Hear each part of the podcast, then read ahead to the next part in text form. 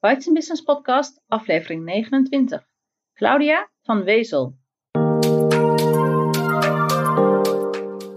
Welkom bij de Bites Business Podcast. Mijn naam is Marijke Krabbenbos.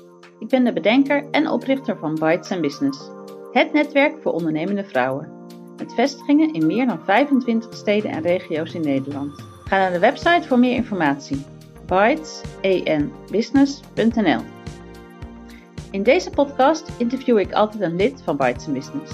Altijd een ondernemende vrouw. Ik interview haar over haar werk en over hoe ze in het leven staat.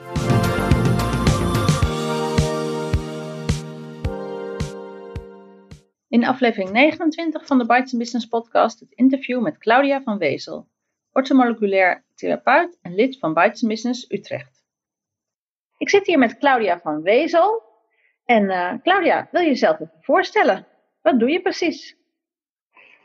Ik uh, ben ortomoleculair therapeut, darmtherapeut, um, ja, en nog een heleboel meer waar buiten achter staat. Dus ik denk dat ik beter even kan samenvatten wat de, de rode lijn daardoor is. En dat is dat ik heel veel mensen help met darmklachten en klachten vanuit de darm. En dan heb ik ook nog eens een keer een specialisatie op het gebied van alles rondom de zwangerschap en hele jonge kindjes. Dus eigenlijk vanaf het moment dat mensen een zwangerschapswens uh, krijgen, tot aan dat de baby geboren is en alle perikelen in het eerste jaar daarna en ook nog met het babytje. En dat behandel ik dan vanuit ortomoleculaire hoek.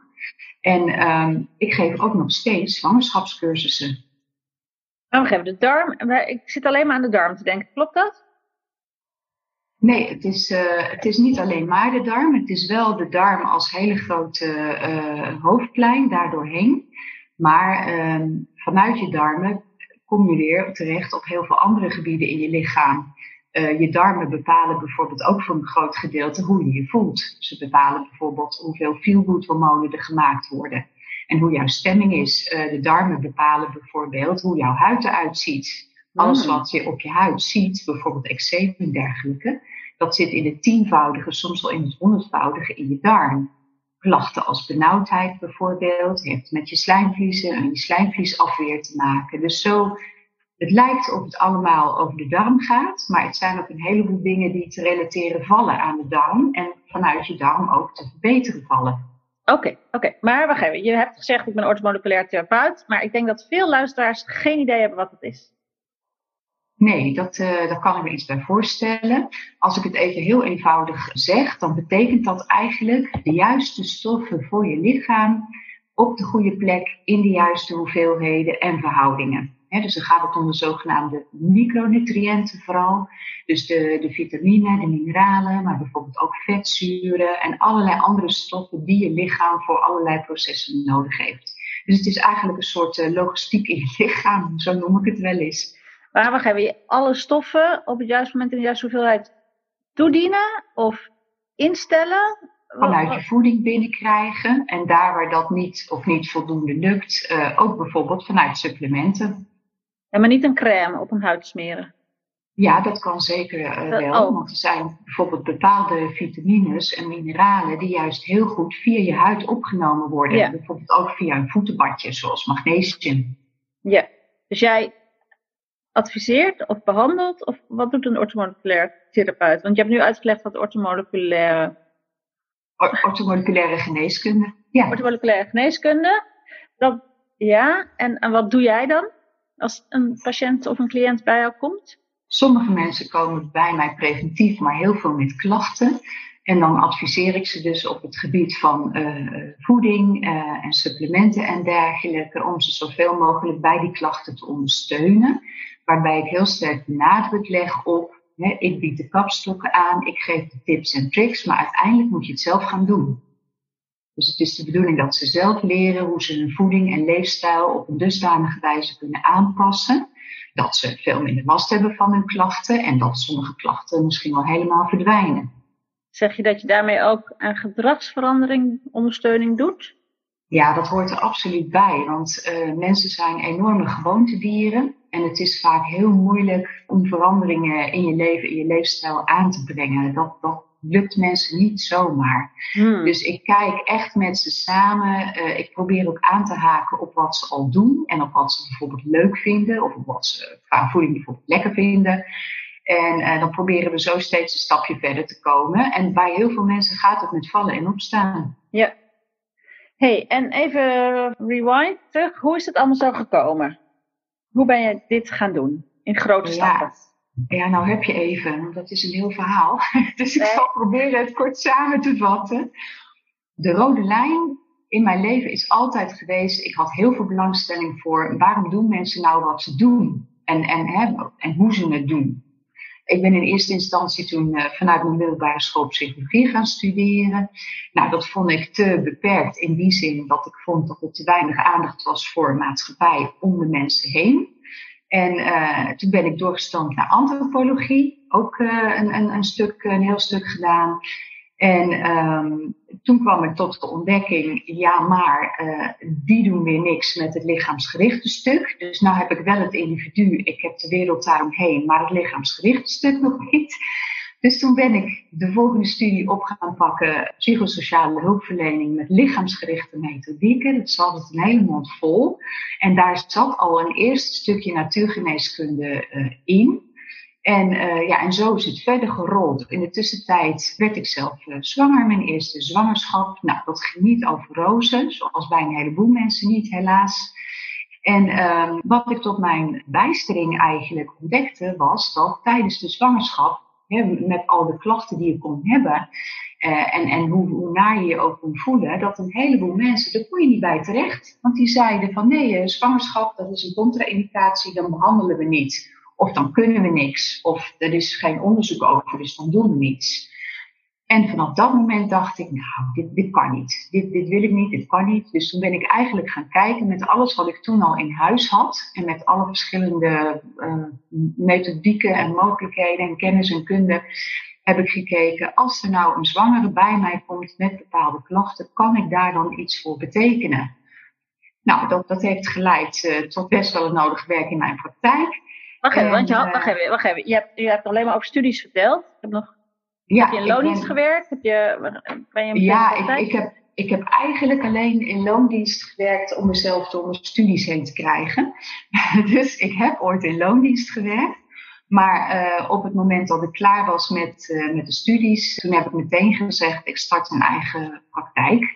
Okay. En um, dat is al inmiddels weer aardig ja, wat jaartjes geleden. En zeg je daarmee, ik ben ondernemer?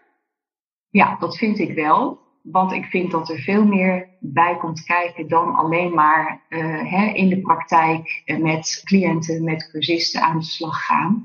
Je moet eigenlijk altijd ook een blik op de toekomst hebben en kijken hè, hoe je uh, het jaar hierna ook nog kunt bestaan.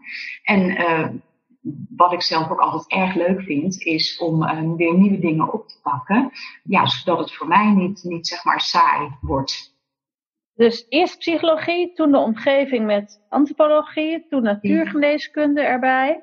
Ja. En ook nog neem ik aan een studie orthomoleculaire geneeskunde. Of is ja, die heb ik ook nog ja. gedaan. En ik heb ook nog uh, een, een, um, een gedeelte darmtherapie gedaan. Ja, in de laatste, uh, de laatste stukjes zeg maar, die ik gedaan heb, daarin geef ik inmiddels ook les. Heel erg leuk. Op een opleiding voor uh, ja, orthomoleculaire geneeskunde ook. En dan doe ik het gedeelte, binnen het gedeelte kindertherapie doe ik een stukje. En binnen het gedeelte darmtherapie doe ik een stukje. En daar ook weer zeg maar dat stukje wat uh, met name met de kinderen te maken heeft. Ja. En dan ook met de jonge kinderen. En je werkt dus heel graag met zwangere vrouwen de hele zwangerschap en het babytje.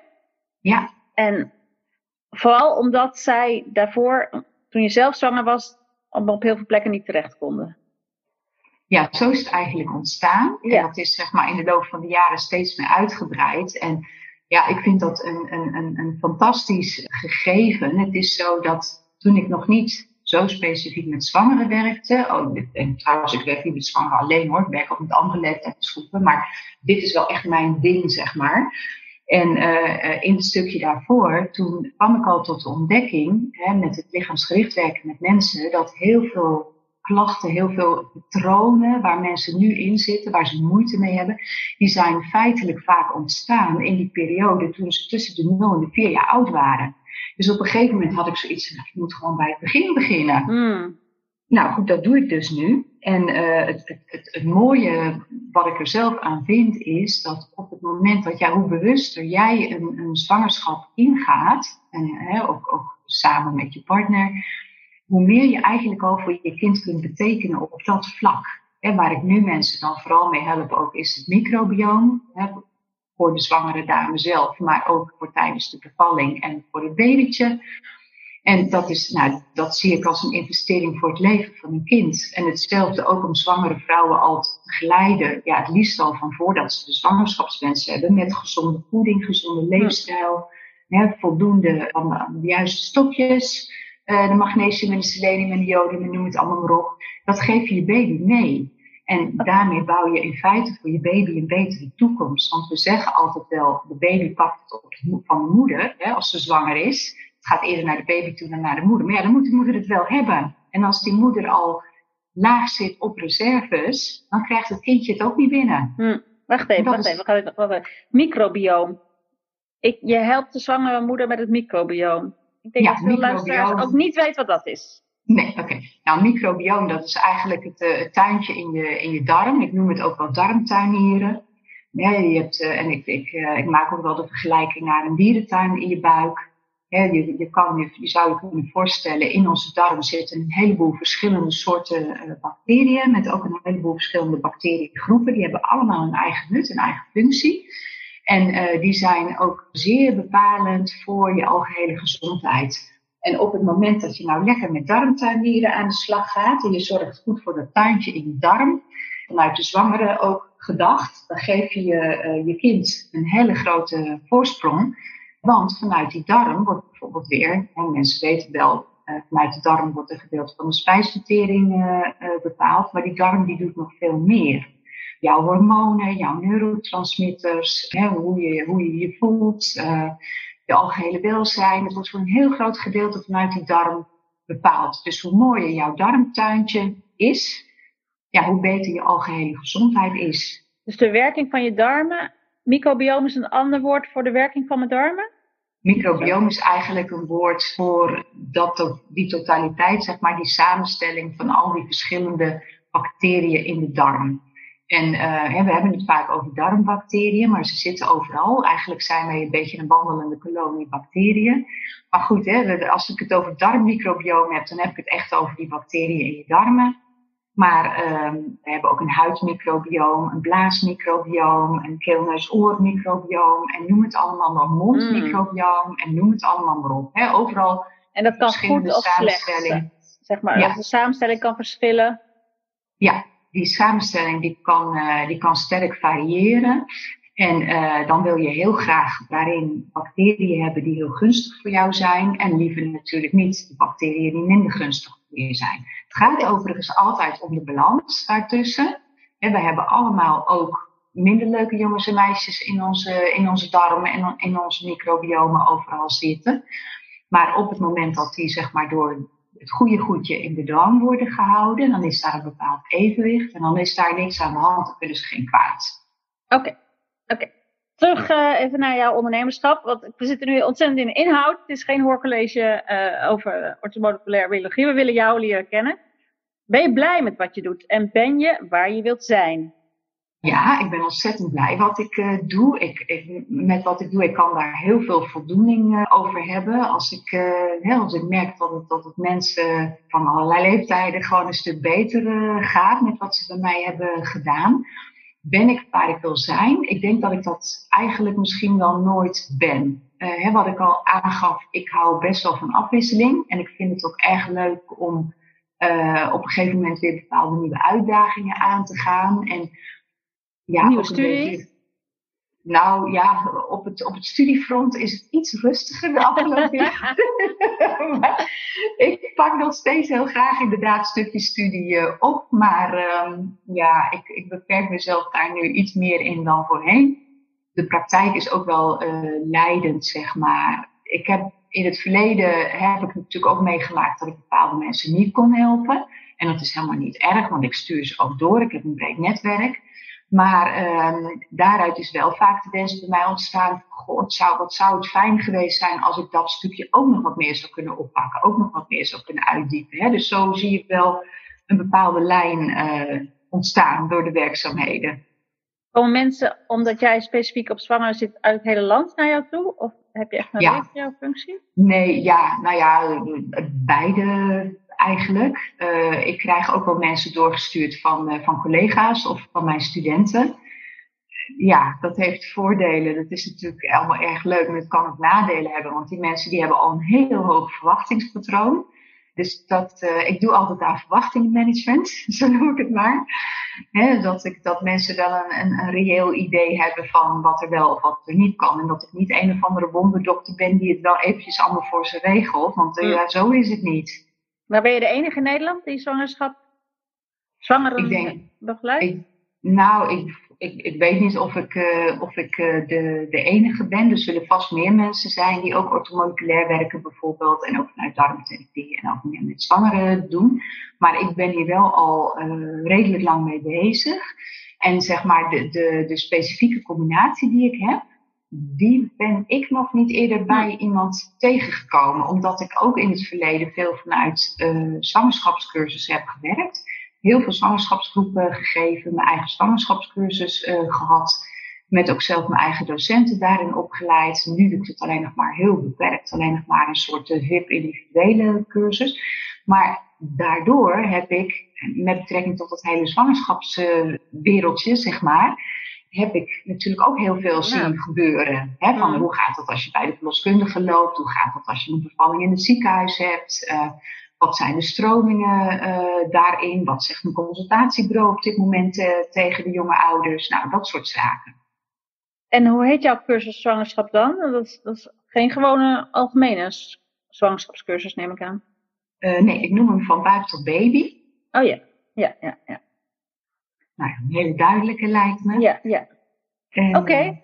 Vakgenoten, spreek jij die ook? Hebben jullie uh, als ortomoleculair geneeskundige uh, studiedagen of een netwerk? Of, uh... Ja, absoluut. Ja, dat, dat moet ook gewoon. Dat is, dat is tegenwoordig allemaal verplicht. Dus, en ik vind het zelf ook, moet ik zeggen, ik vind het ook bijzonder plezierig. Ik heb een breed uh, netwerk, ook met uh, andere orthomoleculaire therapeuten, maar ook met andere soorten therapeuten. Dat is gewoon hartstikke fijn, dat je af en toe eens even flink kan sparren met, uh, met collega's. ik denk dat dat brood nodig is. Ja, en de vergoedingen, is dat bij aanvullende verzekeringen?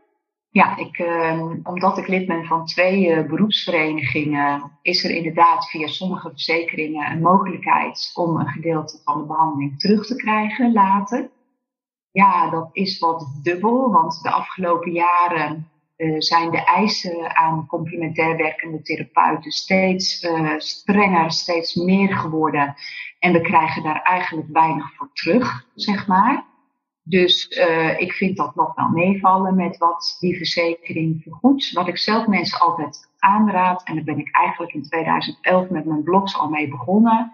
Want toen heb ik eigenlijk al voorzien dat die zorgverzekeraar ons helemaal niet wil vergoeden. En dat er dus steeds meer uit de vergoedingenlijst geplukt zou worden. Dus ik ben toen eigenlijk daarover al gaan praten met mensen en gaan bloggen. En toen heb ik al gezegd van, joh, doe jezelf een groot plezier en maak gewoon een potje. Net als je spaart voor dingen in je huis, of je het grote beurt voor je auto, of vakantie. Of maak gewoon een potje en stort daar iedere maand in voor jezelf, voor je gezin.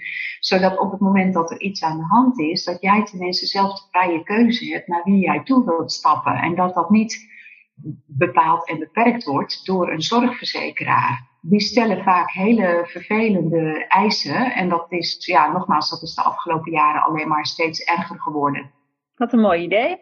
Heb je een naam voor dat potje? Nee, ik heb geen speciale naam voor. Ik de ziektekostenpotje of wat je dan wilt, of, of uh, welzijnspotje, of uh, ja.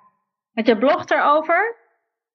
ik heb in uh, een aantal jaar heb ik, ik, ik blog sowieso. Maar ik heb een aantal jaren heb ik ook steeds naar het einde van het jaar toe, als voor iedereen weer die keuze kwam van wat doen we met die zorgverzekering, bij wie gaan we, doen we wel of niet aanvullend, hè? welke verzekering nemen we dan aanvullend, heb ik iedere keer aan het eind van het jaar een, eh, een, een blog geschreven, een aantal jaren achter elkaar.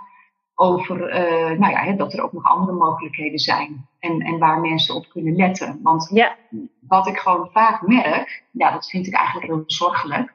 En dat merkte ik uh, voorheen al met de zwangerschapscursussen en, en, in de latere fase ook nog wat meer met uh, individuele behandelingen, de consulten.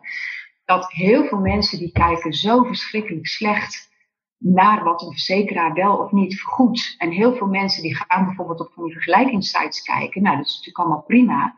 Alleen wat ze vergeten te doen, is uh, zelf ook de kleine lettertjes van de polissen nalezen.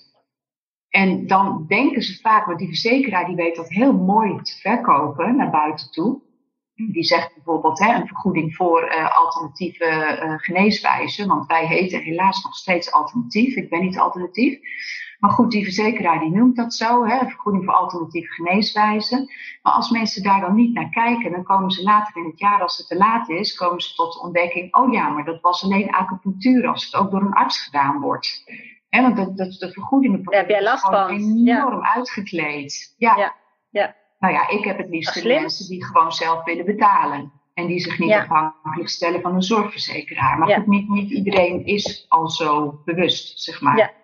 Ja, snap ik. Want jij verdient dus geld door mensen in de praktijk te helpen en door cursussen te geven, zwangerschapscursussen, uh, en door les te geven op een opleiding.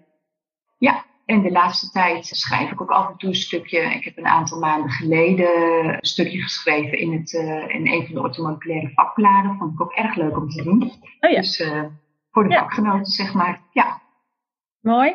hey, we gaan over naar deel 2 van het interview. Er is meer in het leven dan alleen werk. Dus ja, ehm, willen we ook iets weten over jouw leven. Welke andere rollen heb jij in het leven anders dan orthomoleculair geneeskundige en ondernemer? Ja, nou, ik ben, uh, ik ben moeder. Uh, ik heb twee, uh, twee zoons van inmiddels 21 en 24. Maar ik moet het tegenwoordig, ik hou met de leeftijd niet meer zo bij. Dus ik moet er zelf wat goed over nadenken. Maar de een is net afgestudeerd, die, die heeft inmiddels een baan. En de andere is nog aan de studie. En ik, ben een, ik ben een fervent danser. Ik dans met name salsa. En dan ook nog allerlei verschillende vormen van salsa, zeg maar. En ik, en ik doe aan buikdansen. En dat doe ik al een aantal jaren met heel veel plezier, mag ik wel zeggen. Ja, buikdansen is natuurlijk prachtig bij jouw beroep, waar de buik centraal staat. Ja, ja precies. Nog weer die buik. Ja, ja, ja. ja met, komt wel terug. Met de bijbehorende kleding bij beide, bij beide dansen. Ja, ja, precies. Ja. Ja, en voor salsa, uh, ja, op het moment kan het even niet. Ik ging nog vaak naar de, naar de socials. Dus hè, gewoon de feestjes waar je voor de gezelligheid uh, met elkaar aan het dansen bent. Nou, daar bepaal je natuurlijk zelf hoe je kleedt. En dan met, uh, met als het wat feestelijker is, dan inderdaad ook echt wel met een mooie jurk en alles aan de slag. Ja. Mm. Ook wedstrijden? Nee, nee hoor. Ik doe het echt gewoon voor mijn eigen plezier en, en verder niet. Nee. En buikdansen, is dat in een groep of is dat solo? Nee, buikdansen is met een groep, een groep vrouwen. Heel gezellig. We hebben altijd heel veel lol ook. En uh, ja, en het is gewoon, je houdt je lijf heel erg lekker soepel. Dus het is heerlijk om te doen. Ja, ja, ja. Hmm, wat zegt dat over hoe jij in het leven staat? Deze twee verschillende dansvormen. Kun je daar iets over zeggen? Hoe, hoe zie jij jezelf of hoe zien vriendinnen jou? Ja, hoe zie ik mijzelf? Ik ben een vrijbuiter. Ik ben ook wel een, in veel dingen ben ik een pionier uh, geweest in mijn leven. Mm-hmm. Uh, en ik heb uh, ook daardoor, ja, mede daardoor en daarin een enorme hang naar vrijheid. In de zin van dat ik heel graag bepaal hoe de invulling van mijn leven is. En dat ik er redelijk slecht tegen kan als een ander dat voor mij neer gaat zetten. Salsa is met een partner, toch?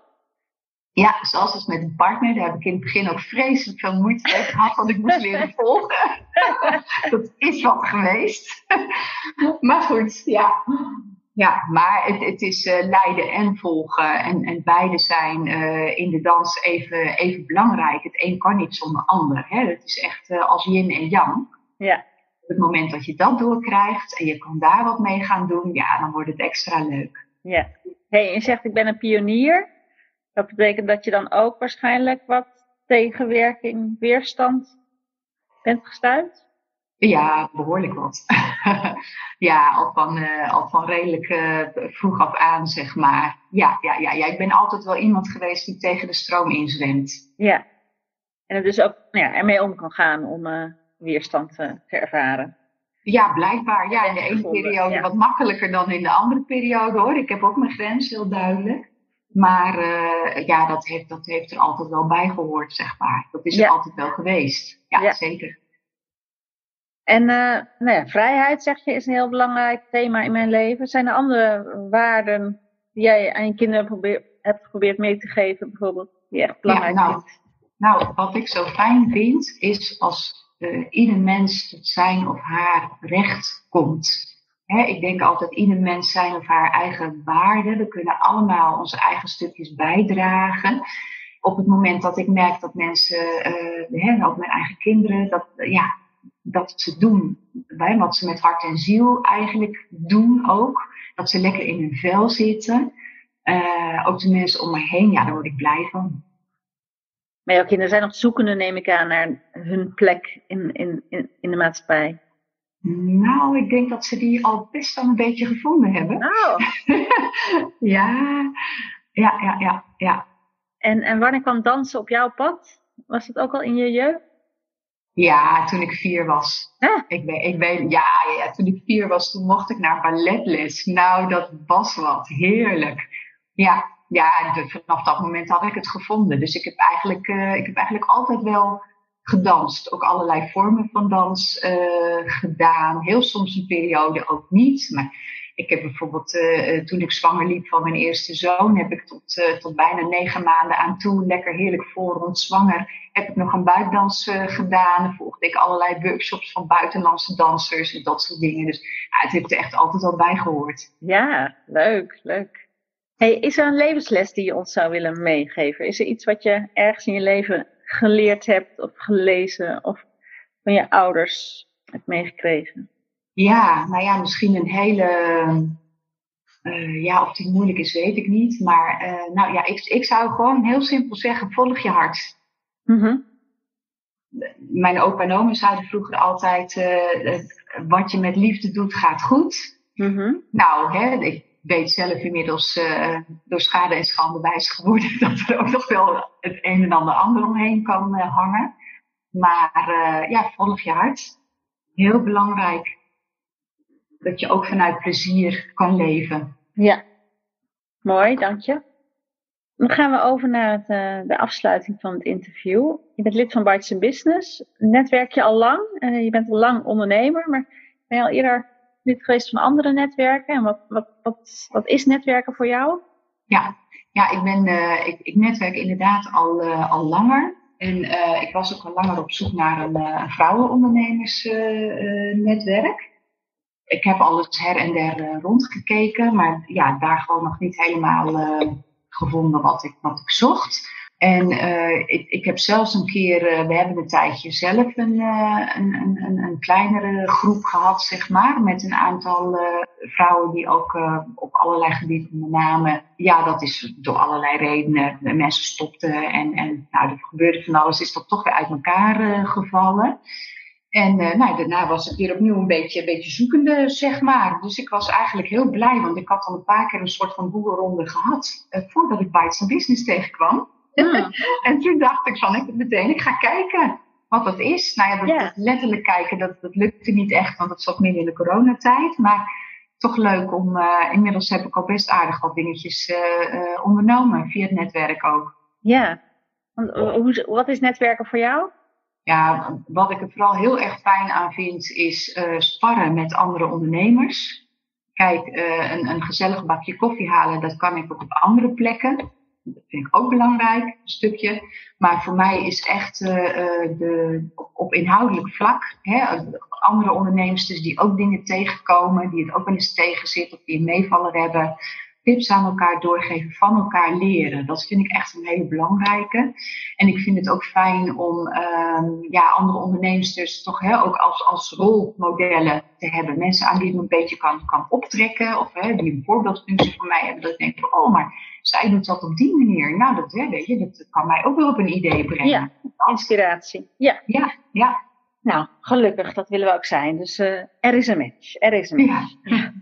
Hey Claudia, als mensen meer informatie over jou zoeken, wat is jouw website? Of hoe ben jij het liefst te benaderen? Ja, inderdaad via de website. Dat is uh, uh, www.groeisprong.nl. Praktijk de groeisprong. En uh, ja, daar kunnen mensen gewoon al een heleboel informatie op vinden. Oké, en LinkedIn en telefonisch en e-mail? Absoluut, ben ik ook allemaal te vinden. Ja, klopt. Ja. Oké, nou, heel hartelijk dank voor dit interview. Luisteraars, ga een kijkje nemen op www.groeisprong.nl. Ja, www.groeisprong.nl. Ik zet hem eh, in de show notes. Dankjewel, Claudia. Ja, dankjewel, jij ook. Dit was aflevering 29 van de Bites Business podcast. Ga naar de site van Bites Business om de aantekeningen bij dit interview te vinden. Heel graag tot de volgende keer. Heel veel dank voor het luisteren. Abonneer je op de podcast, zodat je geen aflevering hoeft te missen. Ben je nog geen lid van Bites Business? Kom dan een keer meedoen op een van de netwerkdiners in het land. Kijk voor meer informatie op de site www.bytesenbusiness.nl Bytes Business, het netwerk waar ondernemende vrouwen elkaar leren kennen, elkaar inspireren en elkaar verder helpen. Tot de volgende keer!